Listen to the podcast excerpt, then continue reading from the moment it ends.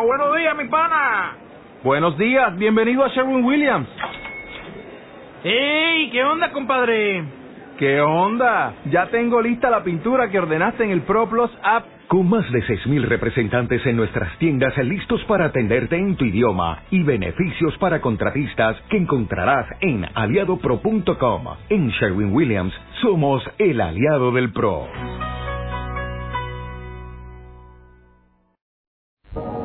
Radio Nacional de España. Radio 5.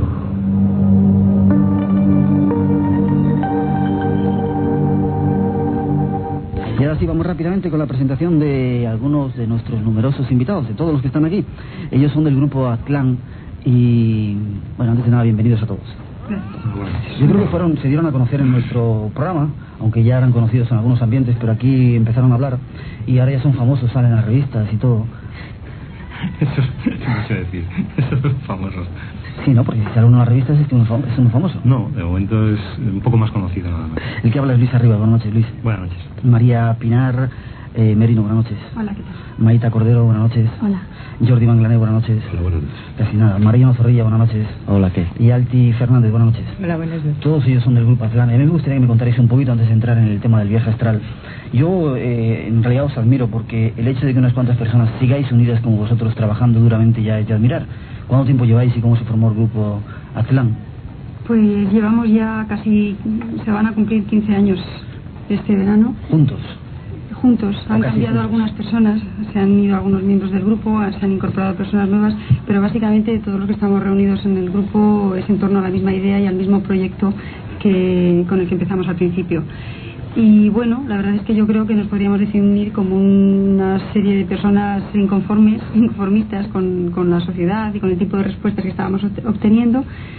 Nos interesaba mucho buscar, buscar respuestas, buscar eh, satisfacción a nuestras inquietudes y una de las vías que encontramos, curiosamente, fue pues en el campo de los extraterrestres, que parece que es una cosa muy insólita, pero que para nosotros ha significado a lo largo de estos años de trabajo una auténtica vía de conocimiento y la verdad es que bueno que solamente se pod- podríamos hablar de, de beneficios y de cosas positivas mm, para nosotros y yo creo que un poco también para los que nos rodean. Eh, la gente que nos conoce, eh, otras veces os hemos presentado como que os dedicáis a diferentes cosas, gente que está en mundos, bueno, absolutamente diferentes a estos, para nada alucinados, y que de repente, como tú has contado un poco la historia, os dio por comenzar a conectar con seres extraterrestres, yo digo supuestos seres extraterrestres, y a través de ellos habéis recibido cientos de páginas de informaciones diversas. Sí, la verdad es que han sido muchísimas comunicaciones en un diálogo franco, abierto, en el sistema de trabajo es de preguntas y respuestas.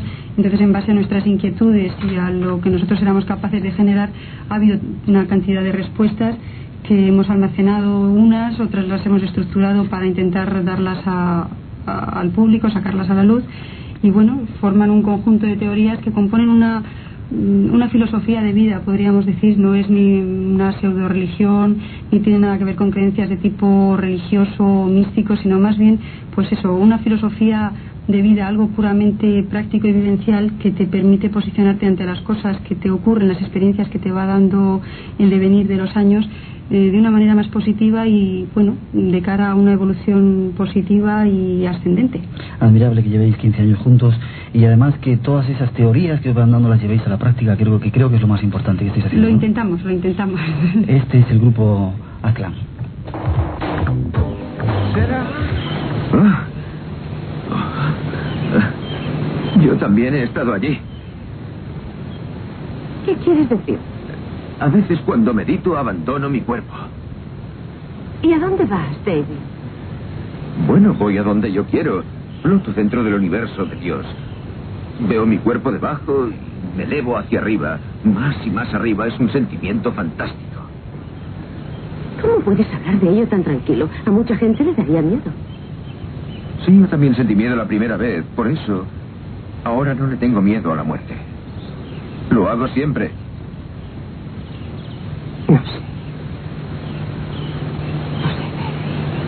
Tranquilízate, ten paciencia. Algún día serás capaz de hacerlo.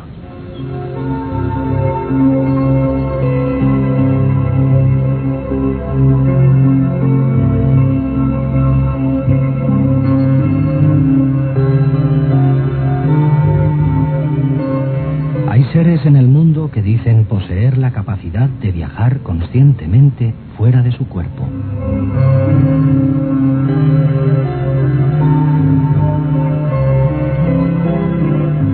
Cuentan que la primera vez es una experiencia aterradora, como si se acercara la muerte. Se nublan los sentidos. Uno siente una sensación de vacío y de abandono. Luego, más tarde, se comienzan a sentir sonidos lejanos, infrasonidos. Luego, comienzan a verse figuras.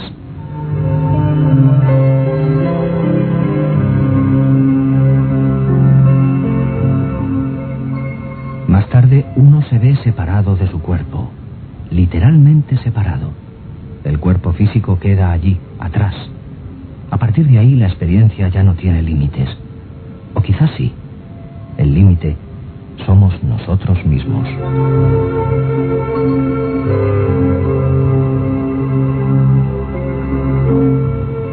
Así, más o menos, explican la experiencia quienes la han vivido de forma consciente, un tanto difícil de comprender. Para ello nos acompañan esta noche nuestros diferentes invitados, para intentar comprender.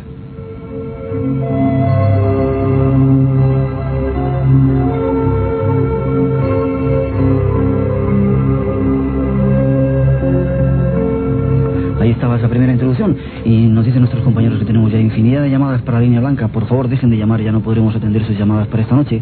Y si quieren llamar, llamen para este tema del viaje astral y nuestros invitados les, contestarán. Bueno, cuando queráis empezamos definiendo quizá lo que es el viaje astral. Bueno, un viaje astral realmente es un desplazamiento de esa energía astral que de la que forma parte todo nuestro, nuestro organismo, nuestro ser integral. Es un desplazamiento eh, que puede tener diferentes causas, cau- causas naturales y causas provocadas. Digamos, las naturales serían aquellas que de forma espontánea se producen y las provocadas serían por ejercicios que se pueden realizar en un momento determinado. Entonces, el objetivo del viaje astral, teóricamente, y que se produce de forma natural, por ejemplo, durante, durante la noche, pues tiene como objetivo el, el equilibrar aspectos de nuestra, de nuestra vida, de nuestra psique, que en un momento determinado pues están alterados y necesitan más referencias que las que podemos tener a nivel consciente. Entonces, de la misma manera que el sueño en un momento determinado equilibra, el viaje astral lo que hace es buscar información. O sea, se desplaza esa energía astral acompañada, digamos, eh, acompañada entre comillas, con una terminal de nuestra mente, para que todo aquello que hacia donde se dirige el astral pueda ser comprendido asimilado o recibido de alguna manera y eh, esa experiencia se archiva en nuestro en nuestro cerebro, en, nuestro, nuestra mente, en nuestro subconsciente y de una forma natural se manifiesta posteriormente con actitudes que vamos teniendo en la vida diaria. O sea, que digamos que el, que el viaje astral que se produce de forma natural tiene un objetivo claro, de la misma manera que tiene un objetivo claro cualquier aspecto de nuestra de nuestro organismo o, nuestro, o nuestra mente tal, que de aquellos que no dominamos, digamos, Mm. aquellos que no están sometidos a la presión de nuestro consciente, funcionan de forma natural para ayudarnos en nuestro camino evolutivo, es decir, para equilibrarnos, para buscar soluciones a problemas que podamos tener y, y de, forma natural la digamos el cosmos nos ha provisto de este tipo de mecanismos para poder equilibrarnos para poder encontrar soluciones ¿no? Es decir, que es cierto eso que cuentan de que todas las noches realizamos viajes astrales inconscientes, todas las personas. Mm, según nuestra información sí Eh, la, la información que tenemos dice esto que, que durante la noche a- además de soñar de soñar se producen también desplazamientos astrales que tienen también otro otro objetivo marginal que es el de recargar esa energía eh, astral. Es decir, por la noche, aparentemente, o por lo menos en, en los ámbitos en donde se pueda desplazar, se, eh, mm, se manifiesta una serie de energías que recargan nuestro astral. Es decir, que por eso nos podemos levantar al día siguiente, aparte de descansados físicamente, pues más lúcidos, más despejados, eh, de forma normal. ¿no? Ya. Salvo que pues, nos hay- hayamos encontrado, que también puede ocurrir el caso, muy agotados psíquicamente, muy agotados eh, energéticamente, y el astral no tenga fuerza quizá para desplazarse, porque como eh, en ese desplazamiento astral no se desplaza todo el astral, sino que hay parte que queda junto al cuerpo físico para seguir vitalizándolo, lógicamente. Entonces, a veces, tanta es la, energía que hemos gastado durante el día, que por la noche no hay energía suficiente o no hay astral suficiente, por decirlo así, para desplazarse, sino que se tiene que quedar junto al cuerpo para seguir vitalizándole porque no hay suficiente. Ya. Quizá habría que explicar eh, con qué viajamos y qué diferentes cuerpos tiene el ser humano para poder entender qué parte es la que se desplaza en esos viajes. Bueno, pues el cuerpo o el, ser humano tiene, tiene cuatro cuerpos realmente. sería por yendo de, superior a, inferior, pues tendríamos un cuerpo espiritual, esa, ese cuerpo, esa energía que nos une a, los planos superiores, a ese quizá Dios o, cosmos o como lo queramos llamar. Está después un cuerpo mental que de alguna manera traduce esa energía espiritual, la, la, concreta un poco más y se, y se convierte en ideas concretas esas ideas necesitan una energía para poder materializarse, que es el cuerpo astral, y como último paso sería la energía se concreta por último en algo material, y esa materia es el cuerpo físico. Digamos que todo es una serie de escalones de, de, vibración que se están unidos en con diferentes mecanismos, pero que mm, lo que se manifiesta después del cuerpo físico es una representación, si el canal es limpio, de esa energía espiritual. Normalmente el canal, lógicamente, no está muy limpio, por lo menos en nuestra etapa de evolución, y viene filtrado por, una serie de problemas, tanto de tipo mental, psíquico tal, como energéticos, porque no tenemos un astral vibrante, bonito, sino que bueno, pues tiene sus, sus problemillas también. ¿no? Y eso se traduce en el físico pues con achaques, con enfermedades, con dolores, etcétera. Ya, es decir, que el que sale sería el cuerpo astral, que es una energía que además está dando eh, vitalidad al propio cuerpo físico. Sí, para, digamos que el, que el, cuerpo astral, por definición, podríamos decir que es un fluido bioenergético que eh, interpenetra cada una de las células, cada uno de los átomos de nuestro cuerpo, cada uno de los, de los espacios interatómicos de, nuestro organismo y que además se manifiesta externamente porque la, esa energía, digamos, es algo que lo que se ve normalmente, lo que aparece por fuera, es una energía, lo que vemos es una energía periférica del astral, pero el astral está interpenetrando cada uno de nuestros, de nuestros átomos, vamos.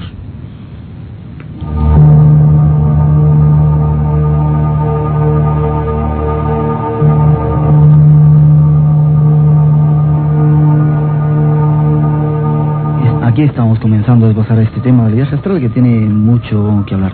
Yo te miro a ti, Luis, pero que conteste quien quiera. Eh, una primera aproximación, quizá preguntaros si es visible ese viaje astral y si sería esa representación que hacen de los santos, el aura, una representación de ese viaje astral, quizá. Jordi. Bueno, en general, eh, en general el, el, cuerpo astral no se ve, es decir, no estamos facultados la mayoría de las personas para verlo.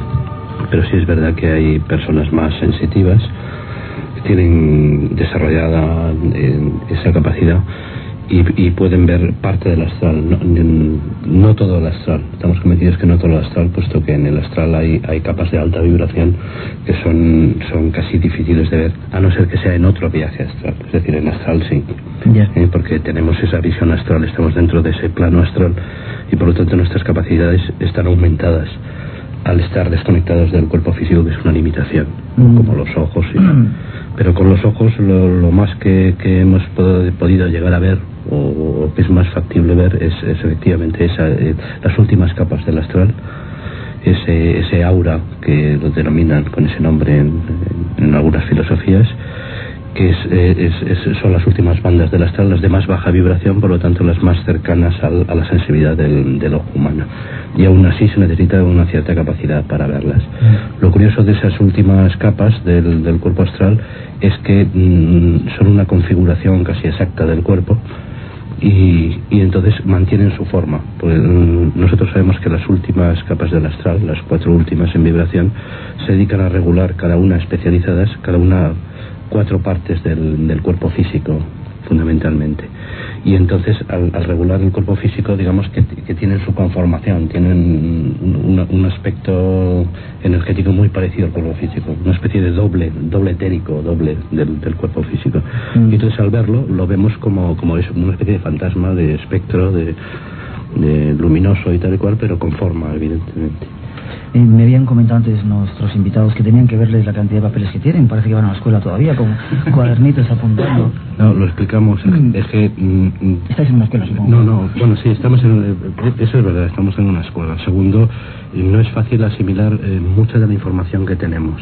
Es decir, a veces recibimos la información, la guardamos y cuando tenemos que tocar un tema de estos, eh, bien como es el caso de hoy, o bien algún día que queremos hacer algún trabajo específico en el astral o en la mente y tal, tenemos que recopilar toda la información porque hay unos aspectos que se, se nos han olvidado y los utilizamos para volver a, a, reciclarlos y volver a generar otra vez nuevas preguntas, nuevas ampliaciones de información que a veces se quedan obsoletas. Entonces, eh, en el caso del astral y en el caso de lo que nosotros llamamos los cuerpos mentales, es decir, la mente, son los, los temas más complicados que, que, podemos manejar. son bastante complicadas porque estamos hablando de de, un, de la regulación del cuerpo físico con todas sus conexiones glandulares, nerviosas, etcétera, el cerebro, tal, tal.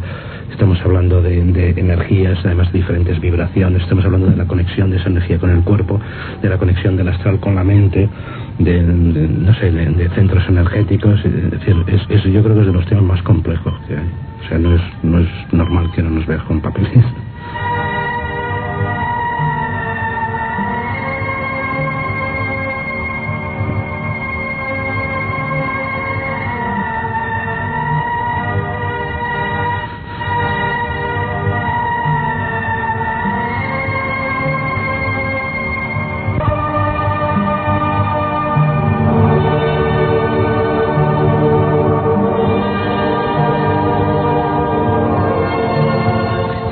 Hay un montón de informaciones, como decimos, para dar esta noche sobre el viaje astral. Pero aquí en esta introducción decía un amigo que eh, es parecido a la muerte. Ese, esa salida del cuerpo es parecido a la muerte. Es decir, es lo que se da en la muerte cuando se da también la ruptura del, cordón de plata. Efectivamente, o sea, lo que el, aquellas personas que han hecho un viaje astral consciente, como la introducción que se ha hecho, mm, digamos, dramatizada, efectivamente parece ser que ese desplazamiento es como la sensación que uno tiene es como si uno se muriese. Eh, aparentemente la, muerte es el mismo proceso, es decir, es un, eh, como hemos dicho antes, el astral es una energía que vitaliza al cuerpo físico. Entonces, cuando un la diferencia que puede existir entre un cuerpo físico vivo y uno muerto es que uno tiene astral y el otro no. Entonces, como eh, cuando se produce la muerte, lo que ocurre es que esa energía astral se desplaza, es decir, se aleja del cuerpo físico. El cordón de plata, eh, que es, digamos, la conexión, por decirlo de alguna manera, el enchufe entre los dos en un momento determinado, cuando se desplaza, se desenchufa y, digamos, que ese cuerpo físico empieza a tener, eh, a producirse un caos, un, perdón, un caos celular un caos celular de tal manera que la, fuerza de integración entre eh, las, diferentes moléculas del cuerpo físico, al no tener la energía de cohesión que le está provocando que eso viva, que eso funcione de una forma ordenada, pues al faltar esa energía se desordena, es decir, se vuelve un, caos eh, orgánico y se produce, digamos, la descomposición de su cuerpo físico. O sea que lo que nos mantiene vivos y lo que mantiene que todas nuestras células y todos nuestros, vamos, todo nuestro organismo en general funcione y funcione de una forma ordenada es porque el astral está vitalizándolo. Por eso, cuando surge una enfermedad, Normalmente eso, los, eh, las personas que tienen evidencia, que pueden llegar a, percibir ese astral, aunque sean las capas más inferiores, sí detectan en qué zonas puede, eh, se ha producido la enfermedad porque hay una falta de coloración en esa zona concreta. Ya.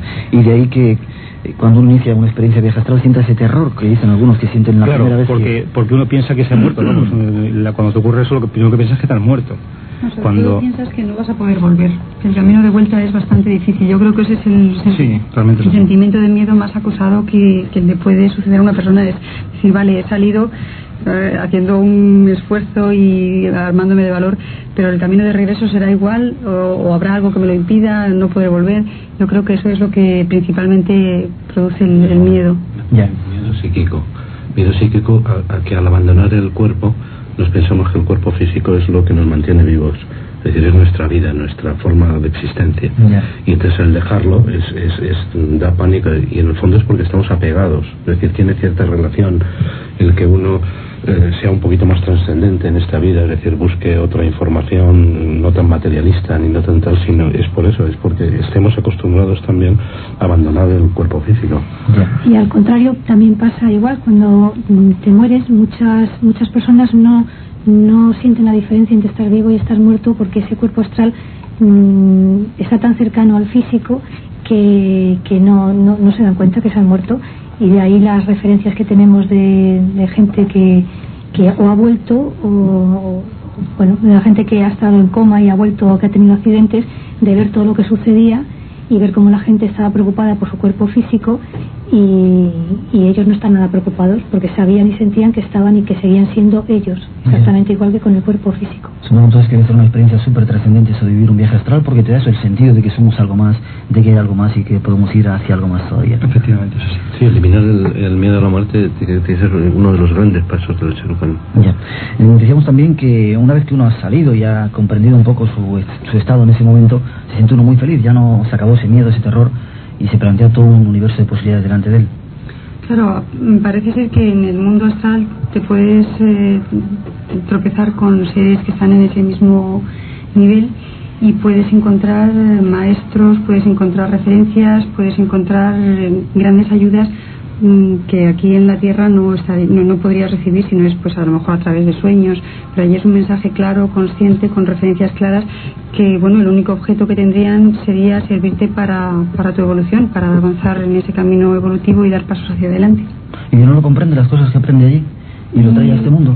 Las, eh, las referencias que nosotros tenemos es que sí, cuando se realiza un viaje astral consciente, uno eh, es, aparentemente muchas personas han sido capaces de superar esa etapa de miedo porque han encontrado un ser de luz o un maestro que les ha ayudado a, tranquilizarse en ese mundo astral y les ha hecho ver o replantearse pues una serie de pues, lo, las cosas que les preocupaban de su vida, las cosas que le angustiaban, las cosas que no tenían claras. Esas referencias a lo mejor uno no es capaz de traducirlas conscientemente, de contarlas con, con, frases concretas, pero yo creo que a nivel subconsciente sí que quedan grabadas en el cerebro y después el comportamiento cotidiano irá haciendo aflorar esas referencias para que, que se modifique el, el, comportamiento y la actitud.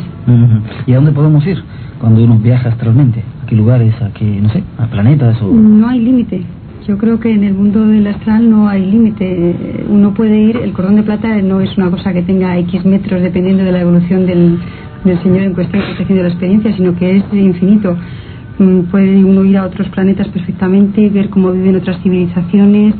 Eh, incluso hay gente que ha hecho viajes a lugares determinados del, del universo en los que se encuentran aparentemente los archivos acásicos, con lo cual ha sido capaz de descubrir cosas de su pasado, de reencarnaciones anteriores, infinito. El mundo de las posibilidades es infinito. Si todos fuéramos capaces de practicarlo lo suficiente como para poderlo hacer eh, conscientemente, sería una escuela de aprendizaje maravilloso y nos daría unas claves que tardamos vidas enteras en encontrar. Todos sabemos, perdona, que cuando se entra en el estado de sueño profundo, según los encefalogramas y todos los estudios hechos, el, la mente entra en una actividad mmm, mucho mayor que en el estado de vigilia y eso pues no tiene no tiene mucha lógica, ¿no? Y además sabemos que cuando se de, los experimentos estos hechos a personas que les despiertan nada más entrar en el primer sueño, nada más entrar en ese estado de sueño profundo en donde la actividad mental es muy muy muy alta, mmm, terminan enloqueciendo. Es decir, que es imprescindible dormir y fundamentalmente dormir por la noche. Otra de las informaciones que tenemos es, es esa, ¿no? Cómo se recarga el astral es cuando no está el sol, el sol, el sol consciente, el, la, el viaje astral de, de, todas las noches. Uh -huh. eh, el sol no recarga el cuerpo físico y la energía astral es una energía del cosmos, es una energía cuando no está el sol en el, en el, en el cielo. ¿no? Uh -huh. Por eso es tan importante dormir de noche y de hecho cuando si, si los que estáis acostumbrados pues probablemente tenéis un mecanismo de equilibrio, ¿no? Pero los que dormimos de noche, cuando algún día te acuestas muy tarde, eh, te levantas muy mal aunque te, aunque te levantes muy tarde. Uh -huh. No es igual las horas de sueño de noche que las horas de sueño de día. Estás como, como abotargado, ¿no? Entonces parece ser que es que necesitamos entrar en el sueño profundo estando la noche todavía. por decir, por ampliar un poco, ha dicho Maita, de la misma manera que las que el sol interfiere en las ondas hercianas, hemos determinado decir que por la noche se pueden coger emisoras de radio mucho más lejanas, por, parece que, que las ondas solares, algunas de las radiaciones solares interfieren, aparentemente también el sol interfiere en algunas de la o interfiere de alguna manera en la, en la energía astral también algunas interferencias producen. Ya. Os iba a hacer una pregunta bromeando para cuándo iban a vender billetes para viajes astrales pero vamos a ver esta noche que el asunto es mucho más difícil. Si os ponéis los auriculares por favor pasamos una primera llamada que nos llega desde Alicante es Maritere buenas noches Maritere hola buenas noches ¿cómo estás? bien ¿y vosotros? contentos de estar aquí como decimos cada semana escuchando como siempre mm. mira yo quería haceros una pregunta que tengo hace bastante tiempo sobre este tema y a ver si me podéis despejar algunas dudas yo es que he sufrido varias veces que al despertarme de dormir he despertado pero la mente la he tenido despierta pero sin embargo no he podido o sea el cuerpo no me, no me ha obedecido a mí me han dado a entender que esto tiene algo que ver con con el viaje y entonces la sensación era como de aplastamiento total y claro, una angustia inmensa al notar que estás despierto pero no, puede, eh, no, no puedes disponer de tu cuerpo. Entonces yo quisiera saber hasta qué punto esto puede ser, puede tener algún peligro, porque la verdad es que la sensación es, es bastante mala. Perfecto. Gracias, Maritere. Enseguida te contestan nuestros invitados. Jordi, me parece que ibas a contestar tú. Decías que, que parecía que tenía que ver algo con el viaje astral. Yo creo que sí, que efectivamente. Es decir, hemos dicho que hacemos un viaje astral todas las noches, por lo menos para recargar energía y a nivel inconsciente. Entonces, cuando, es, cuando el cuerpo astral vuelve a integrarse en el cuerpo, eh, si tú unos momentos antes adquieres conciencia, es decir, lo que estás es integrándote en el cuerpo unos segundos antes o unos minutos antes, pero con conciencia. En, en, ese momento ah, introduces tu conciencia, entonces eres consciente de que tienes un cuerpo y quieres moverlo, pero como todavía no te has integrado del todo, lo que estás moviendo con, con tu mente es tu, tu cuerpo astral y ves que el cuerpo no te responde. Y entonces que te faltan unos segundos o unos minutos para integrarte y que el cuerpo astral eh, se integre y, recuperes el control del cuerpo. Entonces por eso te asustas porque te da la impresión de que te has quedado paralítico o que no puedes moverte, pero mm, no, es, no es para asustarse, sino simplemente relajarte, esperar que pasen unos segundos más y, A mí me ha ocurrido la, la, experiencia, por ejemplo, de despertarme por la noche, tener que despertarme muy rápido porque lloraba el niño, por lo que sea, y, me he despertado más con el cuerpo astral que con el físico y me he ido dando de tortas contra las paredes, porque creí que estaba la puerta, estaba aquí y he salido corriendo y, y me he dado un golpe y al cuarto golpe me he parado es decir, ¿qué pasa? Han desaparecido las puertas y hasta que me he relajado entonces he vuelto a, coger la conciencia. ¿no? pero es, en ese momento te das un susto y te das un... digamos, digamos, por decirlo, eh, redondar un poco lo que ha dicho Jordi, es que efectivamente el astral no entra todo a la vez. ¿eh?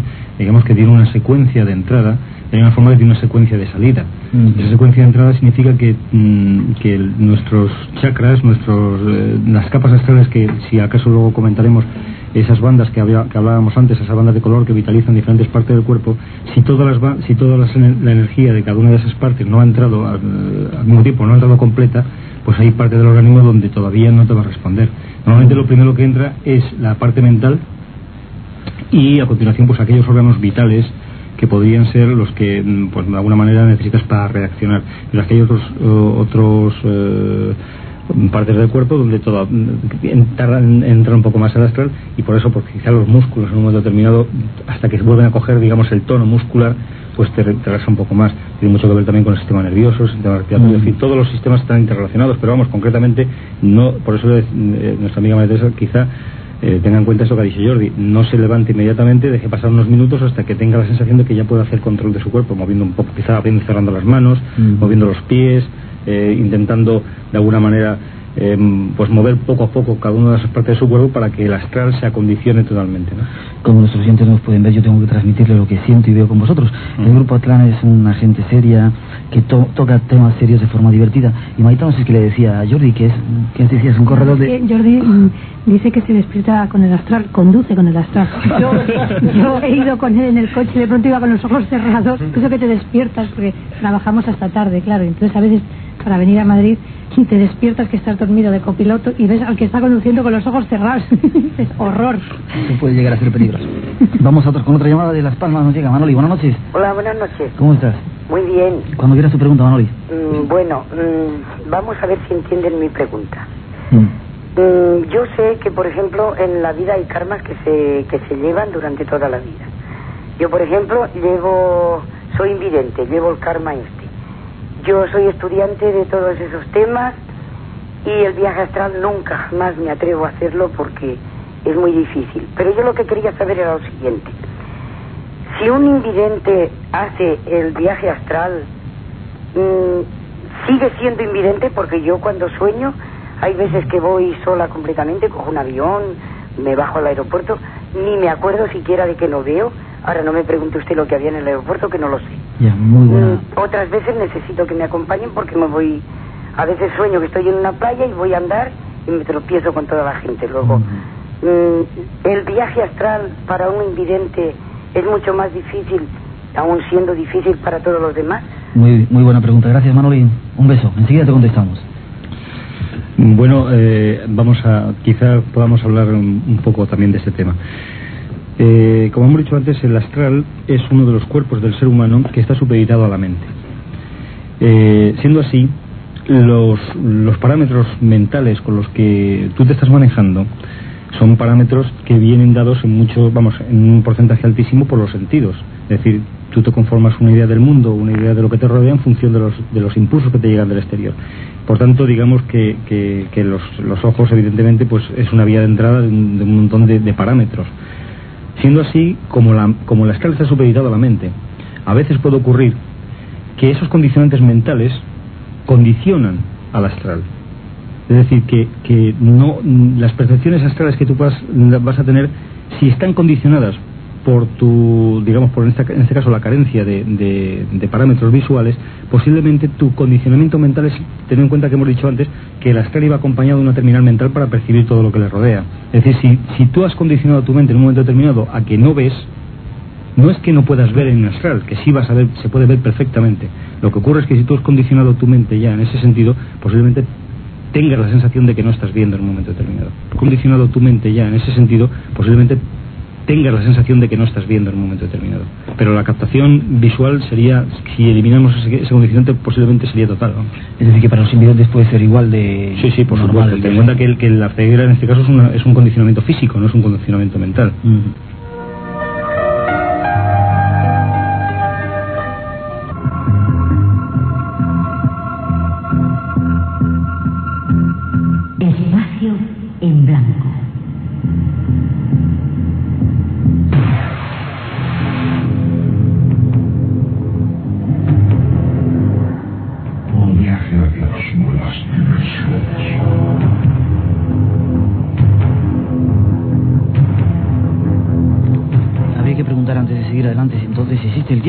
Espacio cuando uno viaja fuera del astral.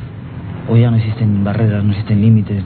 Como bien decía María, podemos ir hacia a cualquier otro planeta, decir, no existiría el espacio, y podemos ir hacia atrás. Mm, vamos, según nuestra información, lo más posible es que, eh, vamos, es probable y, parece ser que se puede hacer el hecho de viajar en el tiempo, pero según nuestra información, de momento lo que tenemos, hemos sabido es que se puede viajar al pasado.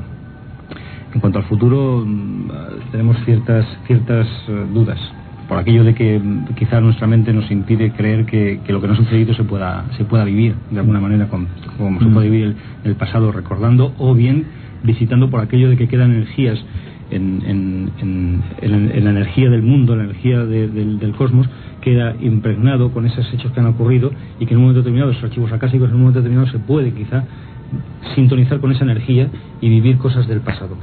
Eh, en ese sentido, quiero recordar que había una anécdota donde un par de turistas que estaban en, en París, en, un, en unos jardines de un palacio, no sé si en París o en Francia, pero vamos, había un, un, palacio, estaban visitándolo como turistas, los jardines, y al llegar a una rotonda de, de, esos jardines se encontraron con unos personajes vestidos estilo Luis XV, pues había niños, eh, señores, señoras, vestidos pues de época, de la época de Luis XV o Luis XVI, y se quedaron muy sorprendidos porque lo esperaban encontrar allí gente vestida así.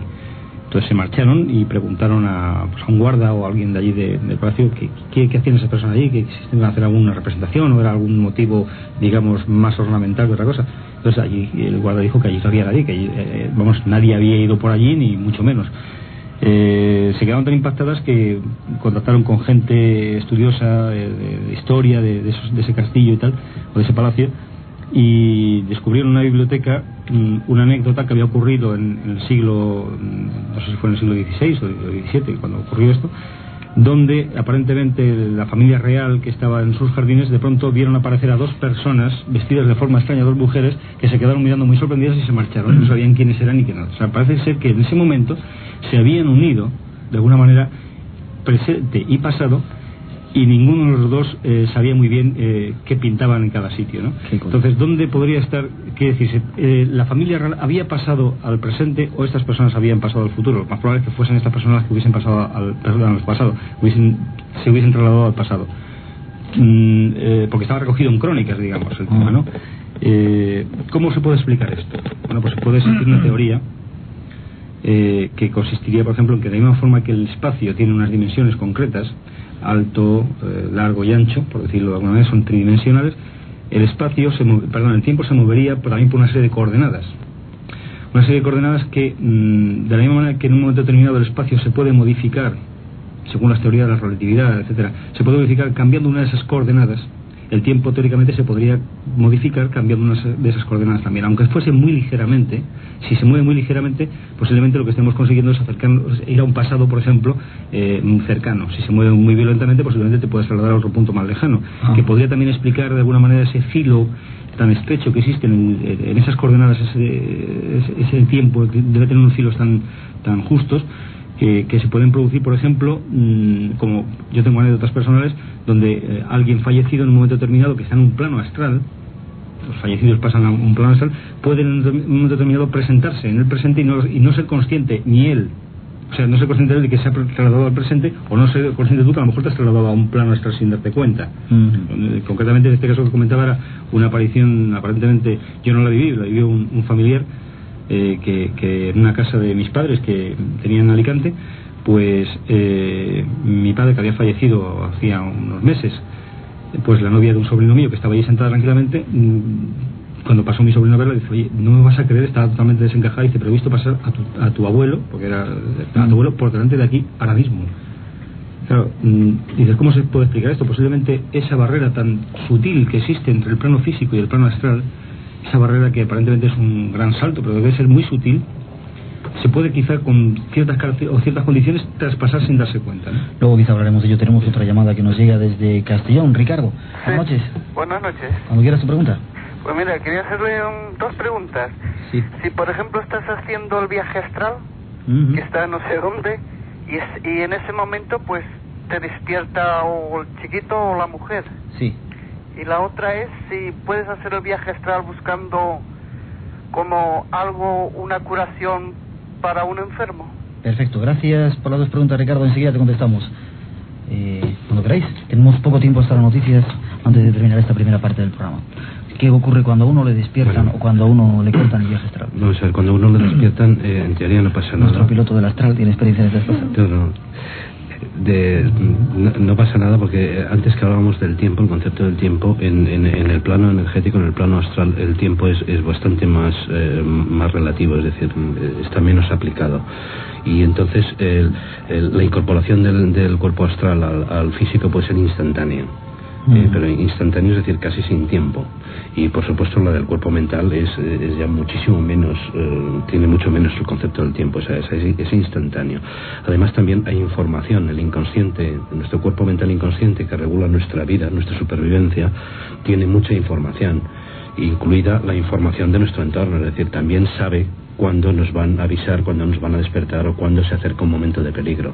Mm. Y entonces ya se va preparando, ya se va preparando y entonces se incorpora y tal. Entonces el niño te despierta y no. Pero aún así puede ser que haya unos segundos de turbación o de no sé qué porque haya sido muy brusco el, el tal. Pero, ya, no, pero no, no, no, no, se debería, si se sabe, no se debería hacer. Y por lo mismo que dicen que no es bueno despertar a, un, a alguien que está sonámbulo, que está, mm. porque en realidad el sonambulismo es una, una forma de viaje astral, solamente que nos llevamos el cuerpo.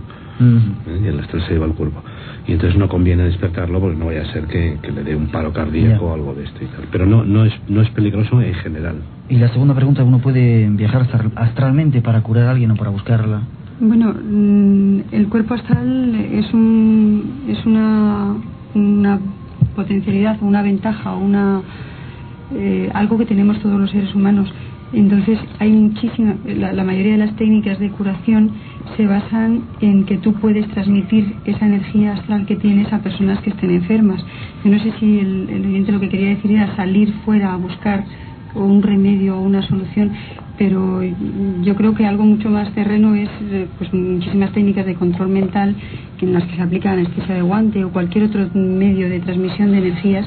Es decir, si yo tengo un astral compensado y equilibrado, puedo transmitir esa energía con una imposición de manos o con una serie de ejercicios a la persona que esté deficitaria de esa, de esa energía. Como la energía astral es una energía inteligente, puesto que está regida por seres del plano energético de un altísimo nivel de vibración, e independientemente de donde se aplique esa energía, sabe perfectamente dónde tiene que dirigirse y sabe al órgano que tiene que, que ir a, a sanar.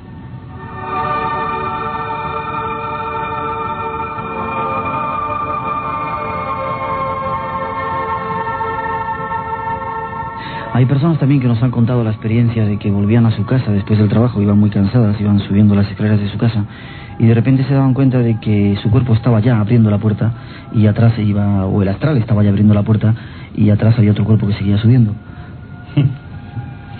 Esto puede pasar, es decir, podemos hacer viajes astrales en el estado consciente, en el estado normal de la vida. Lo que quería comentar antes al principio cuando hablamos del viaje astral es cierto que se pueden producir mm, de forma natural, de forma consciente o voluntaria y también en, cuando, en circunstancias especiales o eh, se pueden producir con un, en un momento de alto estrés, de alta excitabilidad, de forma espontánea se puede producir o con un cansancio extremo también en un momento determinado. O sea, en un cansancio extremo eh, no tanto como habíamos dicho al principio que, que el astral no puede desplazarse porque necesita vitalizar el cuerpo y no se puede mover allí, pero en un paso un poquito más eh, de un poquito más energía sí tiene capacidad entonces normalmente aprovecha cualquier oportunidad para desplazarse ya a buscar esa energía porque la necesitas para digamos seguir funcionando. Entonces mm, con un cansancio sobre todo psicológico eh, fuerte eh, el astral se puede despegar de forma espontánea también.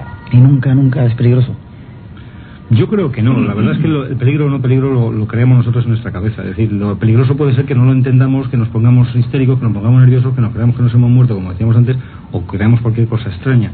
Pero si, digamos, eh, lo asumimos como algo natural, eh, no tiene por qué producirse nada. Lo que hablabais antes de, de cuando te despiertan en ese momento, lo que único que producir es una taquicardia, eh, sudoración, respiración agitada, alteración nerviosa, pero, pero bueno, normalmente eso el cuerpo lo tiene más o menos, eh, se puede regular en, breves segundos, se puede uno volver a, estabilizar, ¿no? Hasta que, digamos, te das cuenta mentalmente de lo que está pasando. En ese momento ya te tranquilizas. Pero hasta que te das cuenta, pues es el despiste, que estás en un sitio y de pronto estás en otro, pues hay un cierto despiste, ¿no?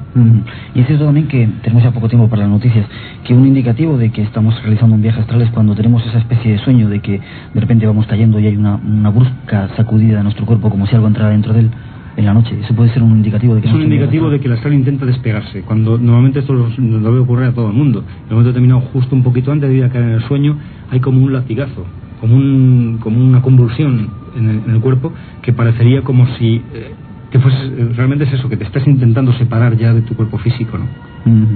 Y cuando vuelves, esa es también otra sacudida. También, también suele ocurrir que hay, una, hay algún tipo de sacudida. Es más, hay personas que les dan calambres en las piernas o los brazos y tal, les dan calambres cuando ocurre eso, y es porque sencillamente hay una contracción muscular brusca y, y hasta que otra vez empieza a funcionar todo esto, eh, ocurre ese tipo de cosas, ¿no? Tenemos muy poco tiempo, Mariano. No, solamente quería decir que efectivamente, y es, y es tan así como que muchas veces te despierta ese tirón.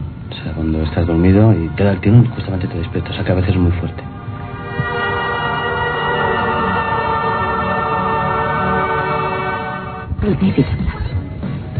Yo sabía que lo que decía era. Sentía que dos piezas del puzzle encajaban unas con otras. Decía que el alma está hecha de la fuerza divina.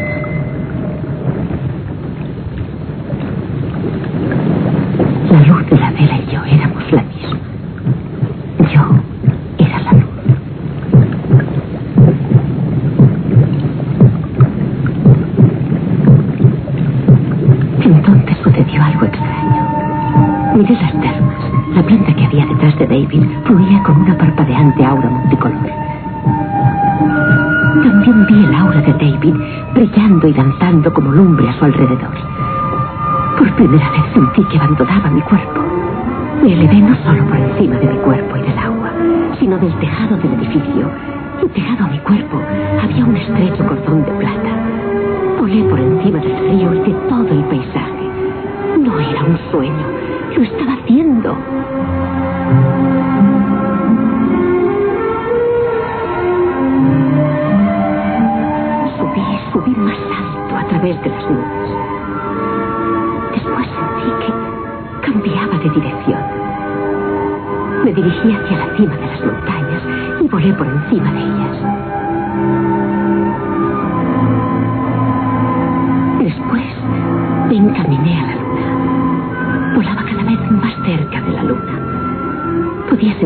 Frecuencia vibracional a su alrededor. No podía verla, solo podía sentir la frecuencia. Me sentí como un astronauta espiritual, libre y sin trabas.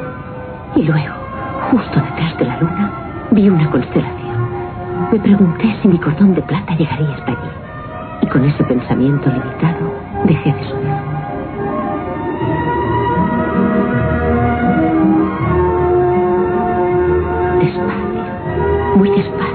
Sentí empujada de nuevo hacia la tierra. Bajaba, bajaba. Vi el amanecer en el otro lado del globo y después, con una súbita aceleración, volví a mi cuerpo.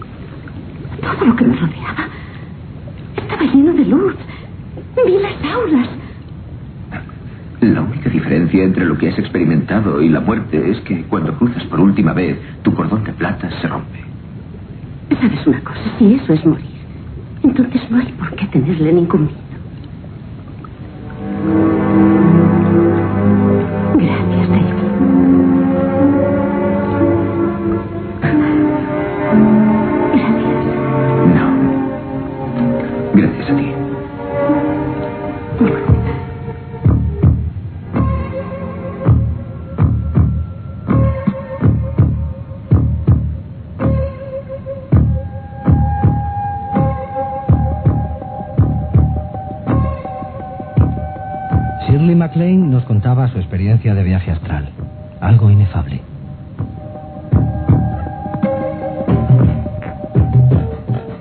Pero nos aseguran que todos podemos conseguirlo. Faltaría tan solo algo de preparación y un poco de práctica. En esta parte de nuestro programa hablaremos de preparación y de técnicas. Esta era la introducción y Shirley MacLaine nos contaba su experiencia real. Bonita, ¿verdad? Preciosa. Una experiencia así debe transformar la vida de cualquier persona y darte una nueva dimensión de las cosas y de tus creencias de todo tipo. Qué pena que no nos demos cuenta que lo hacemos todas las noches, ¿no? Pues sí, la verdad es que sería una cosa maravillosa recordarlo y, y bueno, y que ese conocimiento nos sirviera para hacerlo conscientemente. Vamos a ver si en esta parte del programa nos enseñáis alguna técnica que conozcáis. Pero antes vamos con otra llamada que nos llega desde Zaragoza. Ramón. Buenas noches, Ramón. Buenas noches. Cuando quieras su pregunta. Bueno, son unas preguntas que quisiera hacer y son varias, ¿no? Mm. Yo este tema lo llevo desde siempre, bueno, desde hacía algunos años, y entonces me preocupaba y me interesaba a la vez, Mm. porque tenía presentaciones, o sea, presentía cosas y ocurría, entonces me dijeron que era evidente. Y de cierto lo soy, pero no muy claro, o sea, me falta un poco de experiencia. He presentido cosas tal como el viaje astral, que una vez, pues no, me encontré en la cama que sentí una presencia y de momento, pues, no sé, sentí algo co- como, como si me espallasen las piernas, eh, no podía abrir los ojos, sentía que estaba paralizado y del esfuerzo que hice, pues bueno, hice como un gesto, como un, como un chillido, ¿no? Como queriendo desahogarme. Entonces me, me preocupó porque tampoco sabía nada del tema este. Entonces fui a la compañera la vidente, me dijo, le expliqué el caso y dice, sí, tú es que tu mente, a la vez que, que en la evidencia coges cosas, pues eh, tu mente sale al viaje astral. Y yo me quedé un poquitín como, eh, me reí, ¿no? Y me dijo, ay, no, no, no te rías, que tu poder es es fuerte y tu mente sale al espacio. Y te pregunta Ramón cuál sería entonces. Bueno, mi pregunta es, sinceramente, que muchas veces he pensado y que voy a contactar con seres de, otros, de otras galaxias porque en mis sueños eh, incluso he soñado que, perdón que estoy un poquito nervioso sobre el tema este, Tranquilo. pues que no sé, que incluso muchas veces he, he- he hablado con ellos, no he hablado, es que mm, muchas veces en los sueños he visto como aquí en, donde yo resido en Zuera, he visto como puntos eh, extraños y, eh, quiero decir en los sueños y de pronto se iban acercando pero inmensamente. Y veía yo y decía yo joder qué, qué, qué aviones más raros pero sin meter ruido y ese sueño lo he tenido varias veces. Y por otra parte una vez de ellas pues estaba contento porque iba eh, decidido a hablar con ellos y me hablaba o sea eh, a verlos. Y una vez de ellas pues tuve miedo y un rechazo tremendo y me eché a correr como llorando, gritando. Y eso que ya tengo 37 años. Y son temas que me gustan y, y la evidencia muchas veces eh, intento, digo, a ver si puedo contactar con ellos o, o si quizás me podría, por ejemplo, es que es un poco complicado, es, mi pregunta es un poco complicada porque no la veo, pero en fin, yo quiero saber si, por ejemplo, podría comunicarme con ellos. Perfecto, quizá a través, realizando el viaje astral y todo eso. No sé, vosotros que tenéis, espe- sois especialistas en conectar, uno puede conectarse con ellos a través del viaje astral, a través de la evidencia o... Bueno, la, la forma de comunicación que nosotros establecemos con ellos a nivel telepático y la telepatía como es una facultad o es un funcionamiento mental de la mente eh, se puede producir tanto en estado despierto, quiero decir, en estado de vigilia, como en otros tipos de estados, siempre cuando sea la mente la que establece el contacto. ¿no? Entonces, el viaje astral lo único que podría hacer será, sería quizá tener una mayor percepción de ese entorno y quizá, pues, eh, al no estar sometida la mente al, a, digamos, al- a las limitaciones del cuerpo físico, pues es posible que se pudiese establecer mejor comunicación telepática, pero por el simple hecho de que ya no es el cerebro, digamos, el que está funcionando ahí como emisor o receptor, sino la mente directamente. Vamos con otra llamada, me parece. No, ¿quieres decir algo? Sí, eh, quería decir que yo creo que lo más importante, mm, Ramón da la impresión de que estaba muy asustado, de que está teniendo sensaciones muy desconocidas y bastante incontroladas. Entonces, eh, yo creo que una cosa buena que le podríamos recomendar, basados en nuestra experiencia, es que cualquier tipo de experiencia a la que se enfrente no la haga solo sino que trate de hacerlo pues en- con, alguna persona afín o con un grupo de personas de manera que pueda mantener un- unos niveles grandes de objetividad para que su experiencia la contraste con otros y vea hasta qué punto eh, está viviendo cosas reales y cosas eh, de fantasía. Yo creo que cualquier persona que lo desee de verdad y tenga intención de aprender puede contactar con seres de mayor evolución que estén físicamente vivos viviendo en otros planetas, pues perfecto, si eso es lo que a él le interesa, como es la experiencia nuestra. Esos seres están dispuestos a echar un cable y a enseñarle todas las cosas que él quiera aprender. Lo que sí es cierto es que, ya te digo, basados en nuestra experiencia, una recomendación sería que lo hiciera que nunca se enfrentase solo a este tipo de experiencias, pues porque son desconocidas, pueden provocar sentimientos de miedo y el miedo siempre descontrola la mente y abre la entrada, abre la puerta de entrada a energías que, que pueden causar algún, algún daño. Vamos con otra llamada y luego vamos a intentar seguir con el asunto. David de Vigo, buenas noches, David. Buenas noches. Cuando quieras su pregunta, si puede ser breve porque tenemos ya poco tiempo. Sí, mire, me, me pasó un- hace cuestión de un- algo más de un año. Era un día, una noche de invierno en cama durmiendo. Que me- bueno, no sé si me desperté, pero yo me encontré en un haz de luz, o sea, una cosa circular de luz, y me vi subir, o sea, en- entrar en el tubo ese luminoso. Vi para abajo y vi a mi mujer que seguía durmiendo, pero en lo que es mi parte de la cama, completamente vacía. Me vi subir y tardó bastante tiempo en subir hacia el- por el tubo este, ¿no? Me encontraba con un placer maravilloso. Pero mi gran sorpresa fue que al mirar hacia arriba vi una nave, pero ya le digo, era más grande que lo que se puede ser la ciudad de Vigo. Desde ahí no me acuerdo más, pero en lo sucesivo me empezaron a ocurrir cosas extrañísimas. Que yo paso por la calle de noche y las luces de, las, de las calles se me apagan. En casa el aparato de radio se cambian de emisora, los aparatos de radio. La televisión me cambia de la primera para la segunda, muchas veces, otras veces viceversa. En fin, una cantidad de hechos que yo no sé si- qué explicación puede tener esto, ¿no? Vamos a ver, David, si no quieres preguntar nada más, ¿qué contestación te dan nuestros invitados? Gracias por llamarnos esta noche. A mí lo único que se me ocurre, si la experiencia de este hombre ta- es tal como la ha contado, y yo no tengo por qué dudar de, de que no sea así, aparentemente se trataría de una cosa que la ufología denomina como abducción. Es decir, es una especie de como de rapto físico, eh, una- un rapto de, físico. Este señor, si es así, ha, podido ser, digamos, absorbido físicamente por esta nave, este, este luminoso que tiene unas características eh, que permite la, digamos, de forma magnética, por decirlo de alguna manera, para que nos entendamos, eh, ser introducido en la nave. Allí yo le aconsejaría que se sometiese, si es posible, con algún, algún médico eh, sofrólogo, algún tipo de, mm, de sesión de hipnosis o de tal, para que, para que pueda contar qué ocurrió en, esa, en ese en esa, ese rapto y quizás se pueda de alguna manera si lo llega a, vivir nuevamente pueda descargar tensiones y posiblemente a lo mejor incluso pues dejen de ocurrir las cosas que le están ocurriendo. No lo sé, porque aparentemente tal como lo cuenta podría ser que hubiese traído de esa experiencia algún tipo de energía electromagnética que modifique de alguna manera las ondas o, incluso los canales de televisión. De cualquier forma vamos a quedar con el teléfono de David y seguramente nos pondremos en contacto con él para seguir hablando del tema.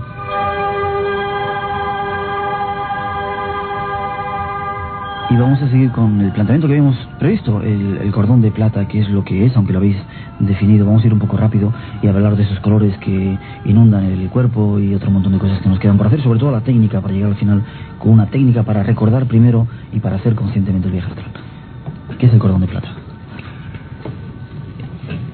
María Bueno, pues eh, el cordón de plata es, dijésemos, la unión, la unión de todas las capas del astral que, que de, de, una forma eh, unida, por eso quizá tiene ese color, porque se funden todos los colores en él, pues sirve para que esa energía astral se pueda desplazar del cuerpo físico sin llegar a cortar la vida. Es decir, eh, como se ha hablado aquí antes, pues utilizarlo o bien para recargar puramente energía o bien para, para resolver conflictos del pasado o del presente. Entonces ese cordón energético, que le llaman cordón de plata, no es que sea un cordón de plata, evidentemente, pues es lo que mantiene, lo que mantiene eh, la vida del cuerpo físico, es decir, el cuerpo físico se queda con una parte de, de ciertas capas del astral para mantenerlo eh, vivo, si se quiere, y eh, une a esa, esa energía que sale del cuerpo para viajar y para todo este tipo de cosas. Entonces, cuando ese cordón de plata se rompe, evidentemente ha llegado la muerte. Ha llegado la muerte.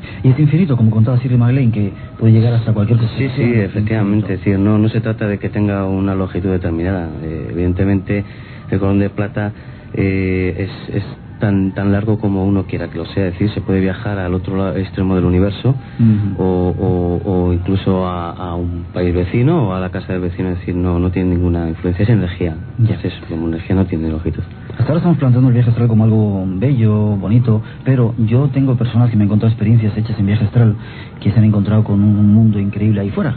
Esto puede ser el submundo astral, los bajos astrales, eh, monstruos de diferentes formas que los perseguían. Bueno, evidentemente cuando uno hace un viaje astral, lógicamente tiene que atravesar ciertas capas, eh, ciertos... Eh, ciertos estados. Eh, lógicamente, al principio, pues estás atravesando las, las capas más bajas, eh, donde, donde uno, mm, sobre todo si tiene cierto miedo, pues puede llegar a asustarse o, o incluso a ver este tipo de, de manifestaciones, ¿no? Entonces, eh, si, si uno mm, hiciese un viaje astral a menudo, conscientemente, pues sería este tipo, este tipo de, de manifestaciones, pues si se las encuentra mm, no le daría mayor importancia porque enseguida saldría de ahí, iría a buscar su objetivo y lo lograría.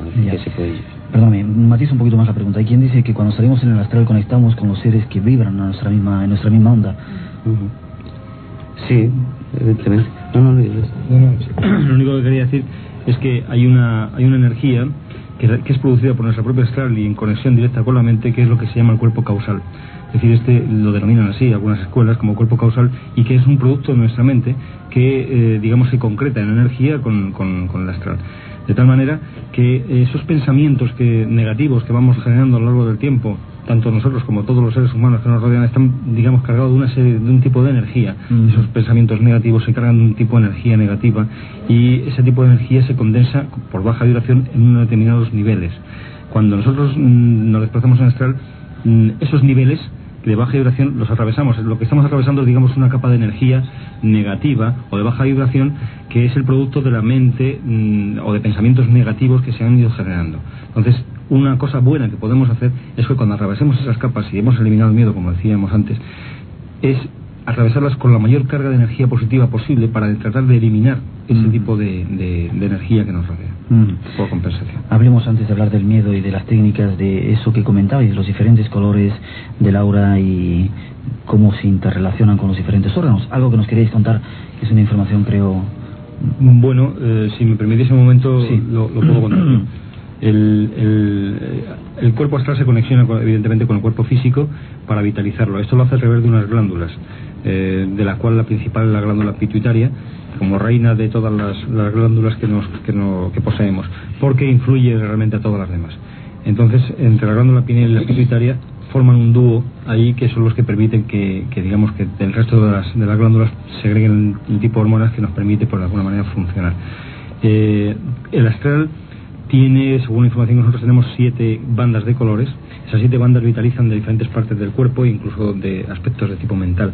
Es decir, las cuatro primeras mm, regulan todo lo que es el cuerpo físico a nivel de piel, huesos, músculos, eh, sistema circulatorio, sistema respiratorio, sistema nervioso, cada una de ellas con una coloración distinta. Y luego hay otra que de alguna manera regula todo lo que son los procesos mentales, es decir, hay una, banda de color especializada en todo lo que es el funcionamiento cerebral. Eh, otra banda de color eh, manifiesta nuestra personalidad y tiene un color que cada uno tiene el suyo, mientras que las otras mantienen un color muy uniforme en todos los seres humanos esta, esta otra capa pues tiene un, un, color cada uno independiente que según su propia personalidad. Y por último hay una séptima capa que digamos sería la capa de referencia la capa que representa de alguna manera nuestra conexión energética con el mundo espiritual que es, que es de color blanco concretamente entonces esa, existe una conexión con el cuerpo físico como he dicho antes a través de los chakras y estos chakras que son de alguna manera puntos de recepción y distribución de energía están conexionados a la vez con las glándulas con glándulas la pineal, pituitaria, la tiroides es decir, una serie de glándulas que nos, que nos regulan el cuerpo físico. Pero a su vez, lógicamente, como todo es una, una escala de comunicaciones, el cuerpo físico, como hemos dicho, se conexiona con el astral de esta manera, y el cuerpo astral se conexiona con el cuerpo mental, que es el que recibe, digamos, los impulsos para funcionar, también a través de otros mecanismos que curiosamente lo hemos descubierto, nos han informado de ellos hace muy poco tiempo y estamos investigando y estructurándolo todavía, no lo tenemos muy claro, pero para lo menos algo sí sabemos. Y es que por lo visto hay tres puntos o tres núcleos de, de concentración de energía mental que son puntos de conexión con el astral, que están situados eh, aparentemente en el hipotálamo, están situados en una zona mm, del cerebro que está entre la, donde están conexionados con una zona del cerebro donde está la glándula pineal y y eh, que le llaman EGANS, le llaman EGANS. Y parece que hay tres tipos de EGANS, uno que condiciona cada uno de los cuerpos mentales, que sea el consciente, subconsciente e inconsciente. Si quieres, en otro momento hablaremos de esto más extensamente. Y estos EGANS lo que son, eh, hacen la misma función que los chakras, o lo que son, digamos, chakras mentales.